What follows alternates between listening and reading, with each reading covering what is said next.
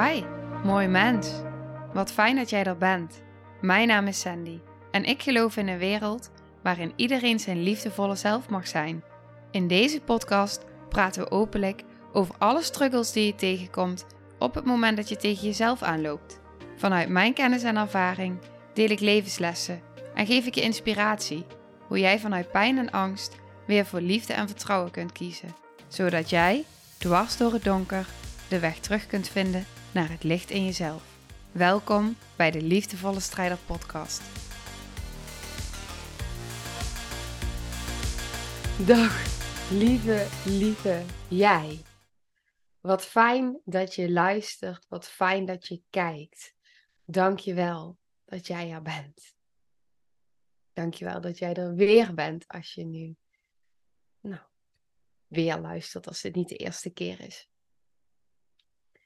Ik uh, kreeg vanmorgen een berichtje.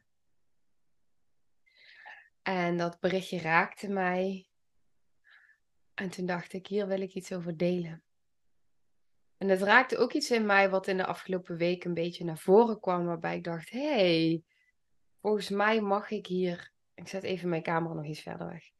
Volgens mij mag ik hier ook meer over delen. Want ik denk dat in de dingen die ik vaak deel, wat ik ook vaker terugkrijg van, nou, wat is nou donker, wat is nou licht? Um, weet je, dus dat ik vaker terugkrijg van, sommige woorden zijn voor mij zo verhelderend wat het betekent. Uh, maar misschien geef ik er wel een andere betekenis aan dan jij. En de vraag is of die woorden die voor mij zo helder zijn, of dat die voor jou ook zo helder zijn. En van de week kwamen er dingen bij mij door dat ik echt voelde van, wow, maar dit, dit is zo helder. En in combinatie met het berichtje wat ik vanmorgen kreeg, dacht ik, nou, hier wil ik iets over delen. het gaat over de weg naar herstel en de weg naar dat wat mogelijk is voor jou. En waarvan je wellicht denkt dat het misschien niet mogelijk is, terwijl het wel zo is. En iemand die mij ongelooflijk inspireert is Joe Dispenza. Ik weet niet of je die man kent, maar die man die is op wonderbaarlijke wijze met zijn lichaam genezen. Je hebt ook een film, Heal heet die. En, of een documentaire eigenlijk. En in die documentaire delen ze ook over wat je kan met de kracht van je mind. Wat er allemaal mogelijk is met de kracht van visualisatie, met de kracht van je gedachten. Op het moment dat jij erin gaat geloven dat het mogelijk is voor jou. En dat je dat puur kan gaan doen vanuit overgave, uh, zonder in angst te schieten, zonder in tekort te schieten. Maar echt vanuit vertrouwen, diep weten en de hele tijd maar blijven focussen op dat wat je echt wil. En dat dan de dingen waarvan wij vaak denken dat ze onmogelijk zijn, dat ze toch mogelijk zijn. Ik kreeg dus vanmorgen een berichtje en die raakte me. Positief, sowieso, heel mooi. En tegelijk raakte die ook wat anders in mij. Dat ga ik met je delen. Ik wilde nog iets moois meegeven. Gisteren was ik de was aan het doen en had een podcast van je aanstaan. Mijn vierjarige zat op de grond te spelen, had nergens oog voor. Op een gegeven moment zeg je in die aflevering als affirmatie: Je kan alles. Zegt hij meteen: Niemand kan alles, mama. Die mevrouw heeft het mis. Ik stond even met mijn mond vol tanden. Daarna hebben we samen mooi kunnen praten over dat je alles mag dromen en dat je moet geloven dat je het kan om te zorgen dat het lukt. Zo fijn. Nou ja, ik vond het super mooi om dit terug te krijgen. Daar ben ik echt ongelooflijk dankbaar voor. En het feit dat zo'n opmerking die ik in de podcast maak, dat dat het effect heeft dat je dus zo met je zoontje van vier daar samen over in gesprek kan gaan. En dat dus op het moment dat je zoontje van vier dus al de overtuiging heeft niemand kan alles. Wat ik ook heel goed snap dat je die overtuiging kan hebben, ook al op die leeftijd. Raakt me ergens natuurlijk ook dat ik denk, oh ja, maar ehm, hoe zou het zijn als we op die leeftijd nog zo vanuit de magie kunnen denken dat alles mogelijk is? Maar dat ik het zo mooi vond van wow, maar dat je dit gesprek dus in kan gaan. Uh, naar aanleiding van een zin die ik zeg. En dat het maakt dat je dus op dat moment ook weer die overtuiging die er is, nou ja, eigenlijk anders kan maken. En daarin een zaadje kan planten van wow, maar misschien is er wel meer mogelijk voor mij als ik ga dromen en als ik mijn dromen mag volgen. Als ik mag creëren, wat kan er dan allemaal wel niet voor mij? Misschien kan ik dan toch meer dan dat ik denk of heb geleerd of wat ik geloof. Dus die vond ik heel mooi. En tegelijk raakte die dus ook wat ik eigenlijk al benoemde van en ik, ik denk dat ik zelf ook zo dacht op een gegeven moment, als kind zeker. Ze worden natuurlijk zo vroeg al in nou ja, onze hele maatschappij. En overal komt het terug. Dus in, in, filmpjes, in video's, op televisie, in dingen die mensen zeggen. De conditioneringen die we hebben, het werkt allemaal zo door op onze kinderen. Maar kinderen die zitten nog zo in die, die kunnen nog zo in die verwondering zitten. Ja, het is zo belangrijk hoe, hoe dat we in die tijd, juist in deze tijd, geprogrammeerd worden. Dus ik vind dit echt, als ik zo'n berichtje krijg, dan denk ik echt, oh, wauw. Wauw, dat, dat je dit gesprek mag hebben en dat dit, nou ja, misschien wel maakt dat hij anders daarover gaat denken dan dat hij nu doet. En dat dus de conditionering net iets anders daarin gaat verlopen. Dus die vond ik heel mooi en die wilde ik met je delen. En het raakte ook iets anders in mij. Ik had van de week, kwam er wat inspiratie door me heen voor een post. Ik ben momenteel verschillende posts aan het plaatsen op Instagram. Uh, betreft het retreat ook. En de foto's en uh, nou, ook wat teksten erbij. Ook al zeggen die foto's echt meer dan duizenden woorden. Dat is gewoon zo, zo werkt het met beeld. Maar wat ik dus besefte op een gegeven moment, ik zag een foto van mezelf, die stuurde de fotograaf. Even kort een paar voorbeelden van de shoot die ik met haar heb gehad. En ik zag mezelf staan. En toen kwam het besef van de week weer. En het besef was daar ook heel sterk. Ik heb het natuurlijk ook gedeeld. Maar nu kwam die van de week weer dat ik dacht, wow.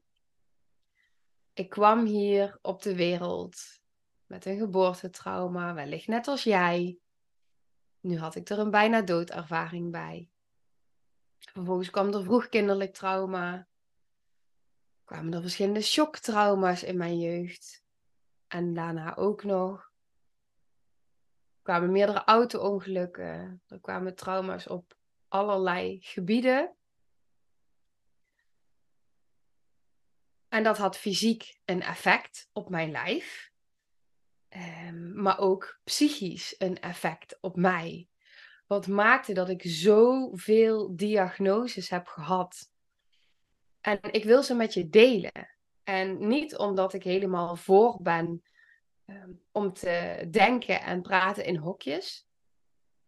Maar wel omdat ik besef dat als ik het heb over het donker of over trauma, uh, of de traumasporen in je brein, dat op het moment dat ik daar diagnoses in kan verwoorden, in woorden kan benoemen, dat het wellicht voor jou ook een helder beeld geeft wat dat dan is. En dat je daar ook een bepaalde herkenning in kan vinden. Ik merk dat, dit, dat ik dus ehm, hier ook op het moment dat ik dat wil gaan delen, dat het iets in mij doet. Nu al. ik merk dat ik begin te zweten, dat mijn hartslag omhoog gaat. Dus ik merk dat iets in mij het heel spannend vindt, omdat iets in mij bang is dat ik mezelf daarmee in bepaalde hokjes plaats. En ik me helemaal niet meer identificeer al die diagnoses die ik heb gekregen. Maar het maakt wel dat het. Dat dat wat ik met je wil delen, als we het hebben over de context waarmee ik begon in deze aflevering, er is zoveel meer voor jou mogelijk dan dat je wellicht denkt. Dat dit een heel goed beeld geeft, als ik dit samenvat, ehm, en hoe ik er nu bij zit, wat er mogelijk is. Oké, dus ik ga dit doen. Ik heb ze opgeschreven en ik zal vast niet alles hebben, maar ik heb de grote lijnen uh, daarin uh, benoemd. Oké, mijn diagnoses. Zowel fysiek als psychisch. Complexe PTSS. ADHD. Ehm, ik heb mezelf gediagnosticeerd op structurele dissociatie. Ehm, nou, niet alleen ik, dat is behoorlijk bevestigd. Um, ik kon er ook niet meer omheen op een gegeven moment, toen het in mijn realisatie kwam, zeg maar. Ik ben verder nog bij de GGZ gediagnosticeerd op kenmerken van borderline stoornis. Ik had eigenlijk alle kenmerken van het type borderline. Uh, behalve één, zei mijn psychiater toen. En dat was het reflectievermogen. En hij zei tegen mij, met de hoeveelheid kenmerken die je hebt, dus alles behalve eentje, zouden bijna iedere psychiater zou je diagnosticeren met borderline. Maar omdat jij zo goed kan reflecteren en zo bewust bent, toen was ik echt nog, ja, dat als jeugd GGZ. Ehm, zo bewust bent van jezelf en um, nou ja, niet de schuld bij de ander legt, maar zoveel verantwoordelijkheid neemt, zei hij tegen mij: Ik kan je gewoon die diagnose niet geven, want hij klopt niet. En dat is ook zo, want de oorsprong in alles wat ik tot nu toe heb gezegd is trauma. In dit geval was het ook trauma. Het waren de traumasporen waar ik over praat. Maar goed, we hebben natuurlijk allemaal een beeld bij borderline. En daar hebben we vaak ook oordelen over. Stigma zit erop. Er zit hier een H voor mij. Nou, stigma zit erop. Het is van alles. Um, nou ja, wat dit teweeg kan brengen. En, en dat maakt ook dat ik, um, nou ja, dat er uiteindelijk op mijn papieren stond dus kenmerken van. Um, vermijdende stoornis, automutilatie, um, suïcide. Uh, daar ben ik bijna voor opgenomen, omdat ze me gevaar vonden voor mezelf. Uh, het is nooit een officiële diagnose geweest. Hè, wanneer is een officiële diagnose? Maar het, het was heel duidelijk. Um, depressie en burn-out. Um, dan waren. Uh, zo, dit is nogal wat. Uh, fysiek, trage maagontlediging, lactose-intolerantie, niet aangeboren hersenletsel, whiplash, astma. Um, nou, dan komt daar nog een eetstoornis bij. Uh, mijn gedesorganiseerde hechting, die zit natuurlijk ook echt vanuit de jeugd. En um, nou ja, het verslaafd zijn aan jezelf verdoven. Uh, aan het vermijden eigenlijk van de pijn. Uh, via allerlei vormen. Dus dat was zowel de medicatie die ik vanuit de GGZ kreeg. Als natuurlijk alcohol, drugs en andere vormen. Zoals mezelf pijn doen bijvoorbeeld. Maar dat was meer het reguleren. En eigenlijk in alles wat ik zeg, zie je ook dat complexe PTSS, ADHD, dissociatie, borderline, vermijdende stoornis, suïcide, automutilatie, jezelf verdoven, de hechting, eetstoornis, het allemaal trauma. Allemaal trauma, allemaal regulatiestoornis, uh, allemaal niet kunnen reguleren, allemaal in de overleefmodus, in de fight, flight, freeze.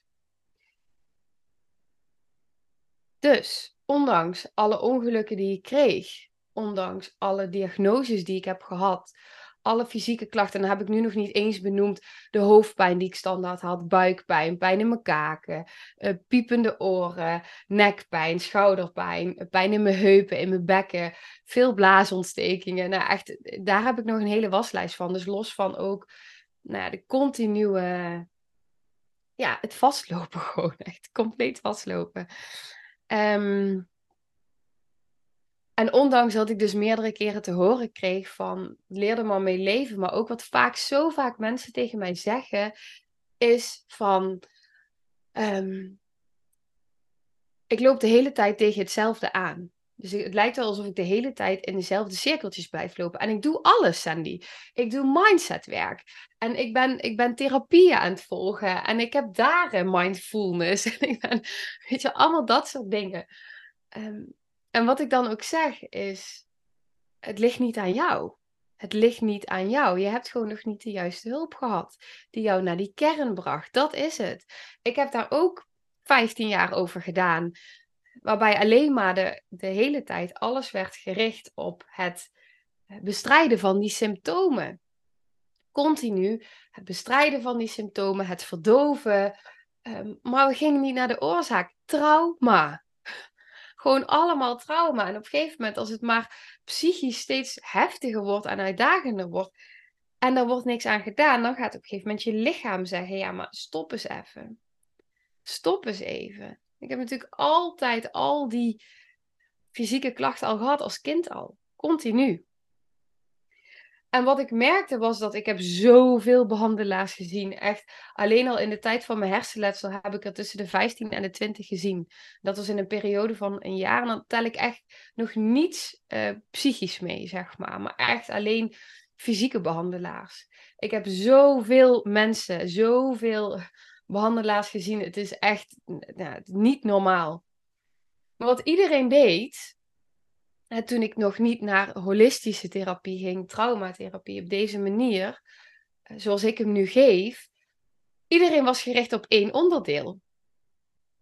Eén onderdeel, die keek naar de maag. En die keek naar eh, de hersenen. En die keek naar um, mijn blaas. En die keek naar nou ja, mijn darmen. Nou, noem het maar op. Maar het was nooit, zeg maar, ehm, oh ja, je bent één geheel en alles staat in relatie tot elkaar en alles heeft verbinding met elkaar. En wat nou als we eens kijken wat die klachten willen vertellen? Als we eens kijken wat, ja, wat, je, wat, je lichaam wil vertellen. Het was altijd maar gericht op de mind. En praten over, maar niet praten met het lichaam. Niet praten met, het was altijd maar daarover praten. Maar als we erover praten, ja, praten is gewoon de grootste vorm van contractbreuk. Er is geen verbinding. En wat ik heel veel heb ervaren, heb ik natuurlijk wel vaker gedeeld, is dat op het moment dat mensen dan in die, en daar was ik heel goed in, en misschien herken je dat ook wel, als mensen dan in een bepaalde onmacht komen omdat ze jouw pijn voelen, dan schieten ze in een reddersrol. En wat ik ging doen als cliënt in die tijd, was dat ik ging pleasen. Dus dan ging ik ze of geruststellen dat het allemaal wel meeviel. En dat ze zich echt geen zorgen hoefden te maken dat ik bijvoorbeeld uit het leven zou stappen, bijvoorbeeld. Mm. Dus dan was ik weer de ander aan het geruststellen in plaats van dat ik gezien werd. In plaats van dat ik gehoord werd en erkend werd in mijn pijn. In plaats van dat het er mocht zijn. Zo'n verschil. En wat ik dus in het retreat heb mogen ervaren, is dat wat werkt voor mij, ook werkte voor hun. En dat zag ik natuurlijk al lang tijdens alle sessies die ik heb gegeven en alle trajecten die ik heb gegeven. En zowel online als offline, fysiek. Maar om het zo op zo'n level, op zo'n diep niveau te zien in zo'n week, dat heeft wel echt iets in mij gedaan. Waarbij ik echt nou nog meer overtuigd ben dan ooit dat waar je ook staat in je leven, met welke psychische of fysieke klachten, en je zal mij nooit horen zeggen. Ehm, nee, daar hoef ik niet naartoe. Oké. Op het moment dat jij dus daar staat met fysieke klachten, met emotionele klachten, dan wil ik jou het geluid meegeven en de mogelijkheid meegeven. En geen valse hoop. Want het is. Mensen waren bang in de tijd met mijn hersenletsel dat ik valse hoop zou krijgen. Dat Amerika bijvoorbeeld valse hoop zou zijn. En dat snap ik, want daar was ik ook bang voor. Want voor mij was dat. Wat als dat het niet meer is, zeg maar. Dus het was ook echt mijn laatste hoop. Ehm, wat als dat ook niet werkt? Ja, dat was wel, uh, dat was gewoon all in gaan. Maar is het dan valse hoop? Ehm, of is het iedere keer valse hoop dat je weer uh, in, een, in een traject stapt, dat je weer. Um, dat je gewoon niet de juiste hulp krijgt. Terwijl er zoveel mogelijk is voor jou. Als ik nu kijk naar mezelf, waar ik nu vandaag de dag sta. Dat ik mama ben geworden, dat ik ondernemer ben, dat ik, ik wil gewoon zeggen dat ik mijn mooiste leven aan het leven ben. En dat ik over een tijdje gewoon geïmmigreerd in Spanje woon. met mijn holistisch traumacentrum. Het is gewoon mogelijk. Er is niks in mij wat zegt dat het niet mogelijk is. Want als ik zie waar ik vandaan kom, dan is alles mogelijk. Het is gewoon zo. En ik snap het, want dat is wat ik net wou zeggen. Daar zitten ook, tuurlijk. Ik snap ook wel dat niet alles in het leven mogelijk is. Maar toch is er zoveel meer mogelijk dan dat je wellicht denkt. En ik hoop je gewoon met deze aflevering, en ook als je kinderen nu luisteren, ik hoop je gewoon met deze aflevering die boodschap mee te mogen geven. En ik heb het gevoel dat ik in de afgelopen periode daar heel veel over wil delen met je. Omdat ik het de hele tijd om me heen zie dat mensen maar accepteren. Weet je, soms zeggen mensen tegen mij: ik heb nergens last van. Ik heb echt geen trauma's. Maar ik durf niet de kelder in, want ik ben bang voor dit en dit en dit. Maar ik durf niet in een auto de weg op, want ik ben bang voor dit en dit en dit. Dan denk ik, ja, maar dit zegt alles. Ik, ik durf niet, als, als ik naar mijn kinderen kijk, dan zie ik dat op het moment dat we, ehm, dat we ergens naartoe gaan, dat ze zich in een hoekje verstoppen. Dus dan gaan we er maar niet meer naartoe. Dat is het vermijden van, van de trauma's die er zijn. In plaats van kunnen we die veiligheid bieden, reguleren en kunnen we kijken van hé, maar wat zegt dit over mij als ouder dat mijn kind dat niet durft? Wat, wat, wat, wat vertelt dat over mij? Zitten daar nog stukken in mezelf die ik aan mag kijken? Zodat ik het makkelijker maak voor mijn kinderen, voor de volgende generaties. En hoe is dat als ik aan mijn kinderen kan laten zien hey, ik struggelde met een psychische stoornis of met een fysieke, fysieke klachten. Alleen, ik heb zoveel innerlijk werk daaraan gedaan. Kijk maar eens waar ik nu sta. Dit is wat, wat mij is gelukt. Hoe inspirerend is dat? Als je dat aan je kinderen kan laten zien, als je dat mee kan geven. Maar nog belangrijker, hoe waardevol is het voor jou? Wat nou als er toch een mogelijkheid is? En wat nou als je niet bang. Weet je, ik heb zoveel auto-ongelukken gehad. Als ik in de auto zit, tuurlijk staat mijn systeem op alert. Maar ik stap wel in die auto. Ik ga me niet laten leiden door die angst. Ik stap in die auto. Ondanks dat mijn systeem alert is. En doe het werk daar de hele tijd op. Ik blijf in die auto stappen. En dat is een klein voorbeeldje, maar dit werkt natuurlijk met alles. En wat, wat we vaak niet doorhebben, is dat de dingen die wij normaal zijn gaan vinden, dus bepaalde pijnen, bepaalde angsten, bepaalde dingen die we niet meer doen, bepaalde patronen, dat die allemaal een kern hebben en dat die kern teruggaat in ons lichaam, in ons onderbewustzijn. En dat op het moment dat we die symptomen hier en nu willen helen, dat dat gaat over in die kern zijn met dat wat er nog gezien en geheeld en erkend wil worden.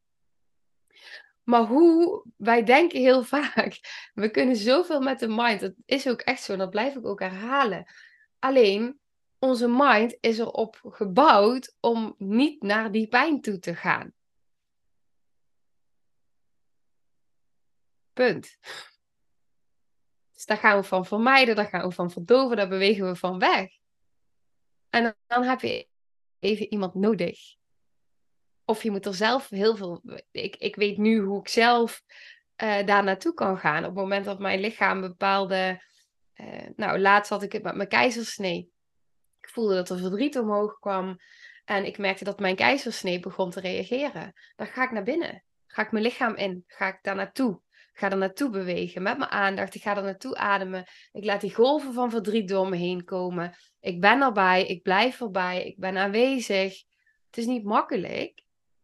Maar het is zo uh, bevrijdend. En wat er gebeurde later, was dat ik dus eerst daar doorheen bewoog. En ik gaf die dag een paar sessies.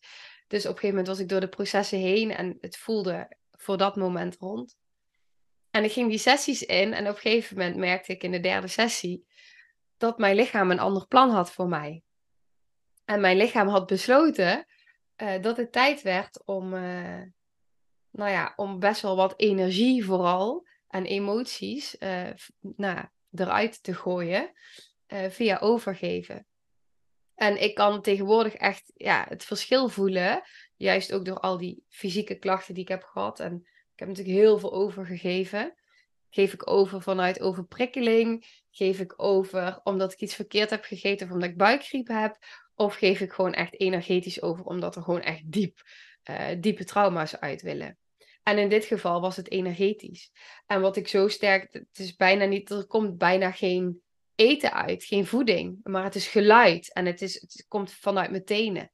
Door Het is zo intens. Ik weet niet, als je ooit ayahuasca hebt gedronken, um, dan weet je wat energetisch overgeven is. Als echt je trauma's, uh, ja, of kambo hebt gedaan of wat dan ook. En dat voelde ik gewoon toen. En dat was echt een diep proces waar ik doorheen moest. En ik kon niks anders dan me eraan overgeven. Dus het kan ook zelf, op het moment dat je weet hoe je kan, uh, het kan toestaan. Um, maar vaak hebben we, en ook ik, hebben we daar gewoon even iemand in nodig. Want op het moment dat we bij onze diepste stukken komen, dan willen we daarvan weg. En ook ik herken dat, dat ik dan bij een therapeut zit en zeg... Ja, volgens mij is het nou wel genoeg geweest. En dan weet ik gewoon, oh god, ja, we gaan ergens heen. En dit is zo kwetsbaar. En dit gaat zo diep. Maar hoe fijn is het als er iemand naast je zit die een tiranu kan houden die je helpt te reguleren, waardoor je echt naar die stukken toe kan en jezelf daarvan kan bevrijden. En dat werkt gewoon door op alles. Op jezelf, op je klachten, op je kinderen, op je hele leven. En ineens merk je dat die angsten die je daarvoor had, die pijn die je daarvoor had, dat dat weg is. Dat de verslavingen die je had, eetstoornis die je had, suïcidale gedachten, Ehm, en dat je, waar je heel tijd in die visieuze cirkel blijft zitten, dat er een, een opening is naar een andere weg, een andere route. En dat is mogelijk. Dat is mogelijk voor jou. Dus, als je dit nu zo sterk voelt en als je dit nu wil en als je echt voelt, want ik vraag ook altijd aan mensen, ben je bereid om het aan te gaan? Ben je bereid om dit diepere werk aan te gaan? Om het via een andere manier aan te gaan dan dat je wellicht kan bedenken? En om je over te geven aan het proces. Ben je daar überhaupt bereid toe om dat te doen? We denken vaak dat het heel zwaar is. Als ik dit zo deel, kan ik me best voorstellen dat je denkt dat het heel zwaar is. Maar ik werk zo in de vertraging en zo traumasensitief dat ik echt bijna altijd van mensen terugkrijg dat op het moment dat ze op bepaalde diepe stukken komen en niet eens doorhebben hoe, hoe, ehm, nou ja, hoe, hoe diep het eigenlijk gaat in het moment, dat ze dan rechtop zitten en voelen hoeveel er in beweging is, ook qua energie in hun lijf. En dat ze dan ook aan me teruggeven van, oh, oh, Oké, maar dit kan ik wel. Ja, zeker kun je dit. Tuurlijk kun je dit. We denken vaak, omdat we nog zo klein waren, hebben we die overtuiging dat op het moment dat we die pijn kregen waar we nog in vastzitten, waar ons, die energie die nog vastzit in ons lijf, het trauma, die delen ook, dat we het niet aankonden. Maar toen waren we te klein, toen werden we overweldigd, toen konden we niet reguleren, toen hadden we niks anders dan overleven. Maar nu zijn we zoveel jaar verder. Je bent zo sterk. Je hebt al zoveel overleefd. Kijk eens waar je nu staat. Kijk eens waar je al bent gekomen. Echt. Dit kun je. Dit kun je. We zijn vaak zo bang van, oh, maar dan kom ik in een groep en wat vinden mensen van me? En zo bang om het aan te gaan. Maar er is niks bevrijdender, helender en fijner dan het aangaan ik geef nergens liever geld aan uit dan aan mezelf, aan mijn ontwikkeling, aan mijn processen. Omdat het, dit is het beste gevoel wat je kan hebben voor jezelf. Het allerbeste gevoel. Je kan kleren kopen en een week later dan kijk je er niet eens meer naar om of ben je er niet eens meer blij mee. Het zijn allemaal momentopnames. Je kan leuke dingen plannen. Het zijn allemaal momentopnames. Vakantie, alles is een momentopname. Maar op het moment dat jij het innerlijke werk doet en dat jij iets transformeert in jezelf en die liefde van binnen gaat voelen, die vreugde, die vrijheid, die bevrijding, die verlichting en dat je iedere ochtend anders opstaat, dat je je anders gaat voelen over jezelf, dat je je anders gaat voelen in het leven, dat je anders tegen mensen aan gaat kijken, dat mensen anders tegen jou gaan aankijken, dat je je krachtiger voelt. Naast het feit dat je je ook kwetsbaar voelt, omdat het er mag zijn, omdat je gewoon je pure zelf mag belichamen. De veiligheid van binnen, dat je wakker wordt en met vertrouwen je dag instapt, met zin in je dag. instapt. Dat je gewoon voelt van, hé, maar ik heb het recht om hier te zijn. Ik heb het recht om te mogen ontvangen, om te mogen spreken, om het te mogen openen, om te leven, om te voelen. Je voelt je steeds beter en beter en beter. En daar kan niks tegenop. Niks. Echt. Daar kan niks tegenop. De beste investering is die in jezelf. Het is echt zo. Het werkt zo door. En dan, ja.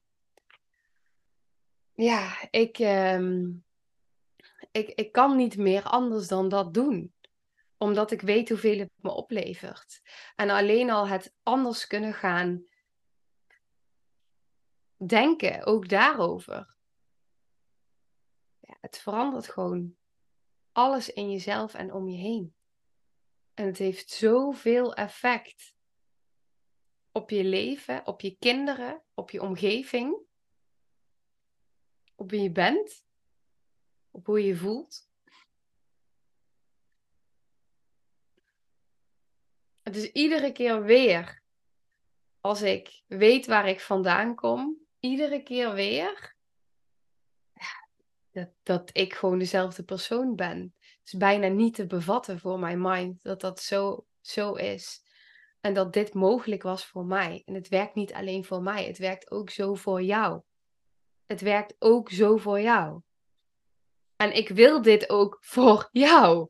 Ik wil dit voor jou. En ik wil dat je dan, dat je dit zo leeft dat je ook gaat zien bij je kinderen dat zij dit ook zo gaan leven. Dat zij ook mogen gaan leven eh, vanuit die ervaring, vanuit dat gevoel. Alles is mogelijk. Ik mag helemaal zijn wie ik ben. Het maakt niet uit wat anderen vinden. Het is maar een mening. De belangrijkste mening is die van mezelf. Dat is de allerbelangrijkste. Meningen veranderen voortdurend. Zo maakt het uit wat die ander denkt. Hoe bevrijdend is dat als je dat kan voelen? We hebben vaak niet door hoeveel fysieke klachten wij krijgen door niet ons leven te leven zoals de bedoeling is. Hoeveel spanning dat geeft. Hoeveel, hoeveel eh, het opslaat in je lijf. Stress en angst en zorgen maken. Wat dat doet in je lichaam. Het maakt ons zo ziek. Het doet zoveel pijn. En het kan zo anders. Echt, het kan zo anders. Ja, dat is de verandering die ik hier in de wereld wil brengen. Dat het zo anders kan en dat dat is wat een nieuwe normaal wordt. Dat onze kinderen dat gaan leren. Van, oh wacht, we zijn creators. We kunnen onszelf helen. Ons lichaam heeft gewoon een zelfhelend vermogen. En ik weet gewoon hoe ik die kan aanspreken om mezelf te helen. En ik weet wat ik wil in het leven en hoe ik dat wil. En ja, echt. Vanuit het hier en nu. Aanwezig zijn met wat is. Meebewegen op die flow. Echt. Dus wat wat heb jij nodig? Wat heb jij nodig? Wat is de eerste stap die jij nu vandaag kan zetten voor jezelf en voor je kinderen? Maar wat is die stap die jij kan zetten? Om dat leven te gaan leven wat, wat, wat, wat hier voor jou is. Wat je wil leven, wat de bedoeling voor jou is. Welke stap kan jij nu zetten? En misschien is het iets wat je al heel lang voelt, waarbij je al heel lang denkt van, oh eigenlijk wil ik dit. Maar wat nou als je even die maren gewoon, als je, nou, wat is wel, als het wel mogelijk zou zijn voor jou? hoeveel zou dat je brengen? Hoeveel zou dat je transformeren? En het werkt allemaal samen, fysiek, emotioneel, alles. Het is één geheel. Jij bent één geheel. Dus daar waar jij iets goeds doet voor jezelf op emotioneel gebied, werkt dat fysiek door en andersom. Dat. Oké, ik ga hem afronden. Volgens mij ben ik al heel lang aan het kletsen. Ik ga zo meteen verder met de opnames van het online traject. Echt fantastisch. Dus um, ja, dat. Dat is wat ik wil delen. En dit alles, dit alles wat ik nu heb benoemd, ik wil niets liever dan jou daarin meenemen. Als je niet weet wat de hoe is. Weet je, soms hoeven we niet te weten wat de hoe is. Als we maar weten wat we willen. En die hoe die mag dan naar ons toe komen. Ik weet de hoe. Dat is waarom ik een gids ben. Omdat ik de hoe weet. Dat is, dat, dat is waarom ik een therapeut ben. Ik weet de hoe. Voor mezelf, maar ook voor jou. Dat is waarom ik dat traject hier in Nederland wil gaan doen. In een paar maanden. Omdat ik gewoon vrouwen mee wil nemen op die weg. Dat is waarom online traject helemaal uit al die stappen bestaat. Omdat ik je wil meenemen op die weg. En niet één stukje, niet alleen je magen, niet alleen je ADHD of alles. één geheel. één geheel. Dus we nemen je ziel mee. Je emoties, je fysieke lichaam. Je mind, super belangrijk. Het complete gewoon de whole package deal. De whole package deal zoals jij bent. Ook je familiesysteem. Alles. Het gaat allemaal mee. Dat is hoe ik werk. Want dat werkt. Oké, ik ga afronden. Nogmaals de vraag: welke stap ga jij vandaag voor jezelf zetten? Welke stap, als je, als je alleen even gaat bedenken dat er meer mogelijk is voor jou dan dat je kan bedenken, welke stap wil jij dan zetten? Ga die zetten voor jezelf, voor je kinderen. Ga die zetten. Oké. Veel liefs voor jou. En tot de volgende aflevering. Nou, lieve mensen, ontzettend bedankt voor het luisteren. Ik ben heel benieuwd wat je van de aflevering vond en welk inzicht je eruit hebt gehaald. Mocht je nog vragen hebben of is er een onderwerp waar je meer over wilt weten, laat het me dan weten. En wie weet neem ik het mee in een van de volgende afleveringen. Als je het leuk vindt, kun je de aflevering delen. Of maak een screenshot en tag me op Instagram. Want ik vind het echt super tof om te zien wie er luistert. De link van mijn Instagram staat in de beschrijving bij de podcast. En wil je blijvend geïnspireerd worden? Klik dan op abonneer of volgen in de podcast-app waarmee je luistert. Dat zouden ik en alle toekomstige luisteraars enorm waarderen. Want dat zorgt er namelijk voor dat de podcast beter gevonden wordt. Nogmaals, dankjewel voor het luisteren en heel graag tot de volgende aflevering.